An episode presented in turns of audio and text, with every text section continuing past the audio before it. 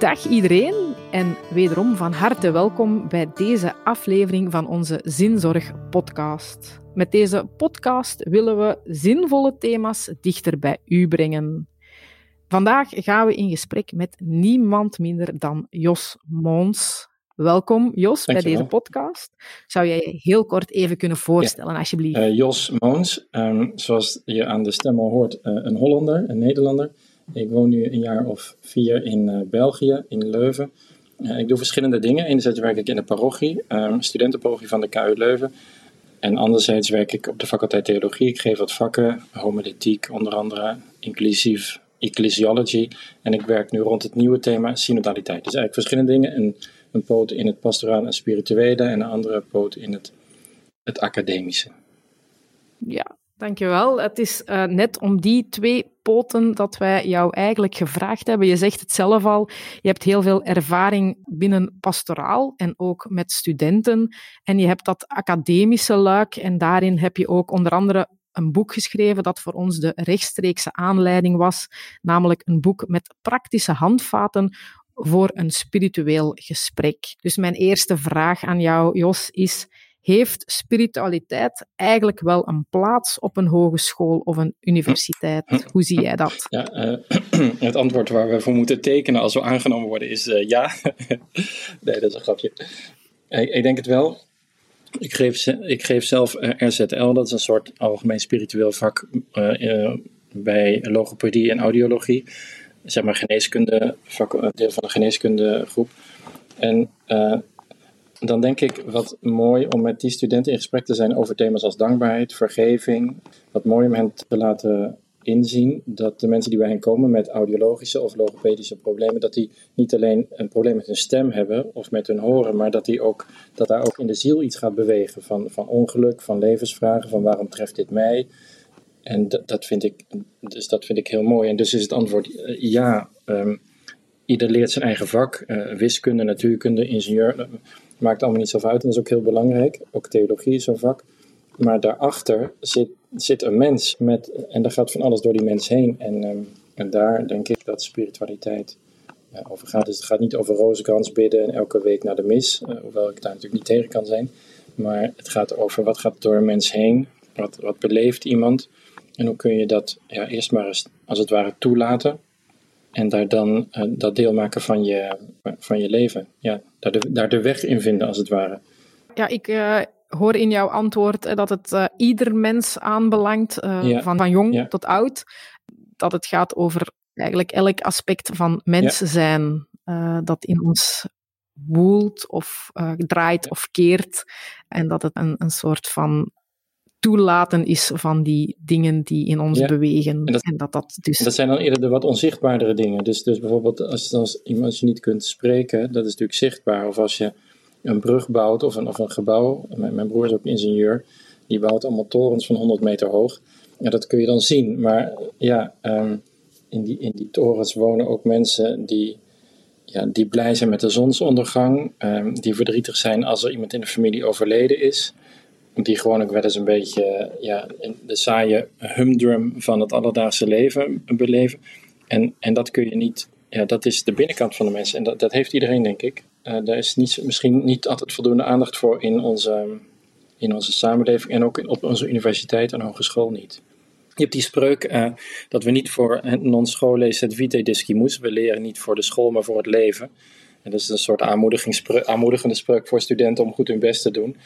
Maar, ehm, maar ik denk wel eens, ja, uh, heel veel vakken. Uh, spiritualiteit heeft echt met dat leven te maken. Dus als ik dan RZL geef, of dat, dat spiritualiteitsvak, dan denk ik dat is eigenlijk voor die logopedie-studenten misschien wel het enige vak waar het echt over het uh, vita. En dus we leren voor het leven. Kortom, een heel, een heel enthousiast ja. Dus, ja, oké. Okay. Spiritualiteit heeft te maken met het leven van elke mens en alles wat daarbij komt ja. kijken. Uh, jouw boek, ik zei het al, ging over een, uh, het spirituele gesprek en een aantal handvaten daarvoor. Waarin verschilt een spiritueel gesprek met een ander gesprek? En zou je het wel of niet kunnen vergelijken met een therapeutisch hm. gesprek? Hm. Um, het, boek heeft, het boek heeft de titel, in het boek heeft zelfs nog een iets specifiekere titel, titel namelijk geestelijke begeleiding. En in het begin boden wij hier met de studentenparochie, de universitaire parochie, boden wij geestelijke begeleiding aan. Maar na het eerste jaar dacht ik, ja, dat is eigenlijk helemaal geen goed woord. Dat is een veel te hoog en ver weg woord. Een spiritueel gesprek is al een heel stuk beter. Maar voor de studenten noemen wij tegenwoordig een goed gesprek. En, ehm, en de bedoeling van dat, die, die, dat woord een goed gesprek is eh, om het uh, niet al te technisch en zwaar en ver weg te maken. Dus een goed gesprek kan ook gaan over. Uh, ik, ik, ik slaag steeds maar niet voor mijn examens en dat vind ik lastig. het kan ook gaan over. Um, ik heb een gebroken hartje. dat, is, dat, vind, dat is een uitdrukking die in Nederland grappig vindt. En dus die in het Vlaams gebruikelijk is, maar die wij grappig vinden. het kan ook gaan over. Ik ben, heel, ik ben in Terzee geweest, een spirituele plek in Frankrijk, waar veel jongeren komen. En ik vond dat heel mooi.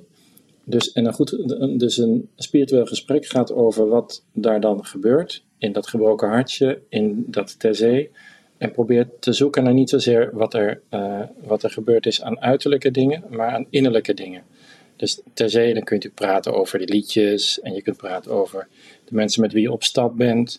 En je kunt praten over het weer, dat dan mee en soms tegenvalt. Uh, je, je slaapt daar in tentjes, dus als het weer tegenvalt is dat een probleem. Maar, maar het spirituele gesprek gaat over eh, ja, dat, dat iemand dan zegt: Ik vond het heel mooi. En dat, dat zinnetje, ik vond het heel mooi, daar zit natuurlijk wat onder. En mijn vader die zegt als hij naar de kerk gaat dat hij het heel fijn vindt om daar rustig te zitten. Ja, ik geloof dat daar een hele wereld onder zit, onder dat zinnetje. Ik vind het fijn om daar een uur rustig te zitten. En het spirituele gesprek probeert daar, zeg maar, dat te, helpen verwoorden. Is dat uur rustig zitten? Is dat ja, zit, is dat ruimte? De ruimte van nu is er geen druk. Uh, is dat rustig zitten, een soort manier om het over God te hebben zonder dat je het woord God hoeft te gebruiken? Dat gebroken, een student met een gebroken hartje, wat, wat is, de, wat is de, de, ja, de zwaarte daarvan? De, dus dat, dat doet het spirituele gesprek. En uh, je vraag was ook nog wat er dan anders is dan andere gesprekken. En dan psychologische of psychotherapeutische gesprekken. Wat er denk ik anders is aan gewone gesprekken zijn twee dingen in een gewoon gesprek reageren we heel snel. Dat heb ik ook. Of toen ik in Terzee was. Maar dat is natuurlijk prima. En, en als, we vrijdag, als je vrijdagavond de vrijdagmiddagborrel doet, dan moet dat ook zo. En onder vrienden moet dat ook zo. Maar een spiritueel gesprek probeert eigenlijk iets meer nog bij de ander te blijven. En te zeggen, kun, je, kun jij zeggen, kun je daar proberen woorden aan te geven? Bij studenten moet je dat natuurlijk een beetje licht doen, want als je het te zwaar inzet, dan is het bedreigend. Dus nog weer een soort kunst. En wat anders is dan psychologische of therapeutische gesprekken, is denk ik, misschien voel ik niet zo heel erg de nood om dat verschil heel nadrukkelijk te maken. Ik denk dat het de kunst ook is om elkaar heel erg te waarderen. Maar als er een verschil is, dan is het misschien dat de kern van het spirituele gesprek is om samen uh, verwonderd te zien wat er leeft. En een psychotherapeutisch gesprek is het eerder om een probleem te verhelpen dat ligt een beetje tegen elkaar aan, want een student met een gebroken hartje die wil toch wel ook wel zien van ja, hoe moet ik hier nou verder mee? Of een student die komt zeggen, ja, ik vond het heel mooi in TC, die heeft waarschijnlijk ook een vraag, wat moet ik daarmee? Dus er zit ook nog wel een praktische spits aan. Maar de, de kern van een spiritueel gesprek is om samen bewonderend te kijken naar wat leeft er in de ziel. En daar zit dan eigenlijk een heel religieuze veronderstelling onder, namelijk dat God in die ziel woont. Maar die hoef je het niet per se te benoemen. Want heel veel studenten die hebben natuurlijk niks met God. En dat vind ik ook niet erg. Want je kunt wel met hen over die diepte van de ziel uh, praten. Dus ik vind ook, het hoort bij een spiritueel gesprek om niet al te veel advies mm -hmm. te geven. Ja. En niet te snel verstandige dingen eh, in te brengen. Of bijbelteksten. Of, uh, maar vooral samen bewonderen, te bewonderen. Ja, ja, ja. Dus een, een spiritueel gesprek, als ik het goed begrijp, gaat toch wel over die diepere lagen uh, van ons menselijk bestaan. Een beetje uh, wegblijven van oppervlakkigheden. Ja, ja, ja. Een beetje uh, gaan woelen in die dingen. En vooral ook met de focus bij de ander blijven. Niet per se probleemoplossend te willen zijn. Uh, niet te snel met goed bedoelde adviezen af te komen, um, maar gewoon misschien uh, de woorden te ja. laten opborrelen in een, in een zekere spontaniteit. Ja, ja. Als, je, als je een mooie schilderij um, ziet, om toch ook een beetje reclame te maken voor de Nederlandse cultuur van bijvoorbeeld Van Gogh, dan ga je daar ook niet onmiddellijk een conclusie uittrekken, maar je zegt wat mooi en dan kun je benoemen wat er dan mooi aan is. Um, dus de, de kleuren of de contrasten of de, of, of nou, wat er allemaal mooi kan zijn aan een schilderij, of aan een zonsondergang, of aan een pasgeboren baby. Maar je, je doet vooral kijken naar wat is er eigenlijk zo mooi aan. Dus ik, ik ben benieuwd, als ik spiritueel een gesprek doe, dan ben ik heel erg benieuwd, wat beleeft de ander? Dat is eigenlijk de, de kern Ja, goed. Op een gegeven moment wordt het ook weer ingewikkeld, want er zijn natuurlijk ook beleven, belevenissen die niet opbouwend zijn. Bijvoorbeeld als iemand cynisch is en als je dan heel benieuwd bent naar dat cynisme, ja, dan, dan gaat het op een gegeven moment, dan wordt het heel donker. Of als iemand heel erg onzeker is over, mhm. over de eigen studieresultaten of over gebrek aan vrienden of zoiets. En je gaat daar, uh, je zet daar heel sterk op in, omdat ik dan benieuwd ben wat gebeurt er bij de ander. Dan kan het ook heel donker worden. Dus je moet op een gegeven moment soms ook uh, wel kiezen waar, waar, waar zet ik mijn belangstelling eigenlijk in? Op, op welk terrein? En soms moet je ook van richting veranderen. Nog steeds mhm. de, het soort van, het, blijft een innerlijk terrein waar je belangstelling naar uitgaat. Ja, ja. ja dus een, een, een goed gesprek, hè, zoals je het uh, in het begin ook benoemde, is niet per se een, uh, een luchtig, frivol gesprek. Het, het kan ook soms wel uh, de zwaarte van het leven aanraken. Ja heel interessant. Hè. Een goed gesprek kan, kan uh, heb ik zelf ook al mogen ervaren, wel heel deugddoend zijn. Maar ik vroeg me dan af, dat brengt me dan bij mijn volgende vraag.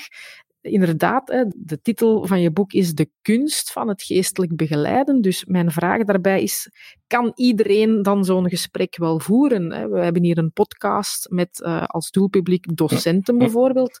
Kan elke docent zo'n gesprek voeren met een mededocent of een student? Zijn er dingen die je wel, waar je echt wel rekening mee moet houden? Uh, zijn er misschien bepaalde voorwaarden die maken dat iemand het hm. wel kan of niet kan? Hm. Uh, er is zeker zoiets als talent. Dus de een heeft, heeft daar nou eenmaal. Je moet altijd denken aan mijn moeder, die heeft verpleegkundeopleiding gedaan en die heeft verder nooit iets van gesprekstechniek of zo gehad. En die kan heel goed luisteren, die wordt door allerlei mensen gevraagd. Dus dat, dat is gewoon talent. En dat, dat zien we ook om ons heen. Je hebt mensen die goede luisteraars zijn en waar we ons als het ware van, bij, vanzelf bij op ons gemak voelen. En je hebt ook mensen die dat niet goed luisteren, die steeds ja maar zeggen of steeds over zichzelf beginnen. En dan voel je eigenlijk, je soort, we hebben allemaal zo'n antenne en die antenne voelt aan, hier moet ik niet zijn. Dus dat is de ene kant van de zaak. Uh, we hebben mensen die hebben er meer gevoel voor dan anderen. De andere kant van de zaak is dat je wel ook veel kunt leren. En ik denk eigenlijk dat de, ik iets heel positiefs zeggen over docenten. Ik denk dat de meeste docenten betrokken zijn bij hun leerlingen. En dat dat, dat eigenlijk een heel goede uh, beginpunt al is van dat luisteren. Omdat als je betrokken bent bij studenten of bij uh, leerlingen, dan ja, dat is een soort warme neiging of een warme naar hen toe. En luisteren zou je kunnen zeggen is niet meer dan, met heel veel comma's eromheen, niet meer dan um, een van de uitingsvormen van die warme betrokkenheid. Uh, dus dat is eigenlijk, in die zin ben ik wel geneigd er positief over te zijn. En ik denk dat het wel een aantal handvatten kan, kan helpen. Dus ik zie, ik doe ook wel wat opleiding geven. Pas was ik nog in, uh, in Noorwegen om aan novicemeesters daar iets over te zeggen. En soms ook met priesters of pastorwerkers. En wat me opvalt is dat we toch heel veel de neiging hebben. En ik denk dat dat leraren zullen daar geen uitzondering op zijn. Heel veel de neiging hebben om um, voortijdig te vroeg ervaringen te duiden.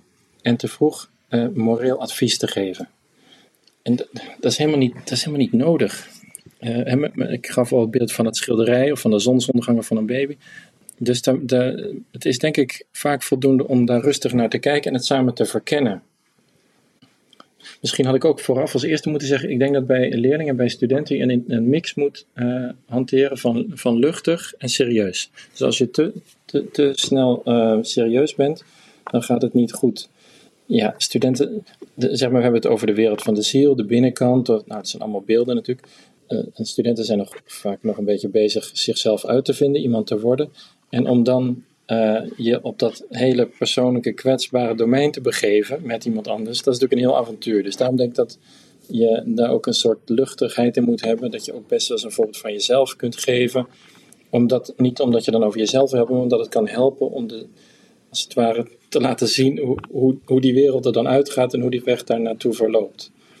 Nou, dus dat is denk ik het luchtig te houden, denk ik, dat is misschien het eerste handvat. Om het, ja, als iemand komt met mijn oma is overleden, van, van de week mag ik, uh, ja, ik kan mijn proefwerk niet maken, dan moet je natuurlijk even over het proefwerk en even over oma, maar niet onmiddellijk de vraag stellen, hoe is dat nu, oom, hoe is het voor je dat oma overleden is? Want dat is natuurlijk, ja, dat is natuurlijk heel direct. Dus dan, ik kan me voorstellen dat je dan eerst iets wil zeggen, goh, Wanneer is het gebeurd? Uh, wanneer is de uitvaart? Ging je er vaak op bezoek? Snap je, zo bouw je dat een beetje uh, op. Dat is ook trouwens een verschil tussen uh, mannelijke en vrouwelijke studenten. Ik weet dat dat stereotyperend is, maar het is toch wel mijn ervaring. Allebei hebben gevoel, daar is geen enkele, geen enkele twijfel over. Maar bij jongens kun je vaker ook nog weer iets feitelijker en iets reflexiever over de zaak. Want anders je te veel op gevoel gaat, dan haken ze af. Maar dus dat is het eerste om het licht. Ja, dus het wel de doel in oog houden, maar niet te, uh, niet te voortvarend zijn eigenlijk. En het tweede, iets wat denk ik heel belangrijk is, om niet bang te zijn om het wel over die binnenkant te hebben. Nadat je over die uitvaart gehad hebt eventjes en of ze vaak op bezoek kwam, kun je gerust vragen, goh, wat, wat betekende je oma voor je? Kun je daar iets over zeggen? En dus op een gegeven moment moet je ook durven om, om zeg maar de nieuwe taal, de taal van de ziel, om, om die te introduceren.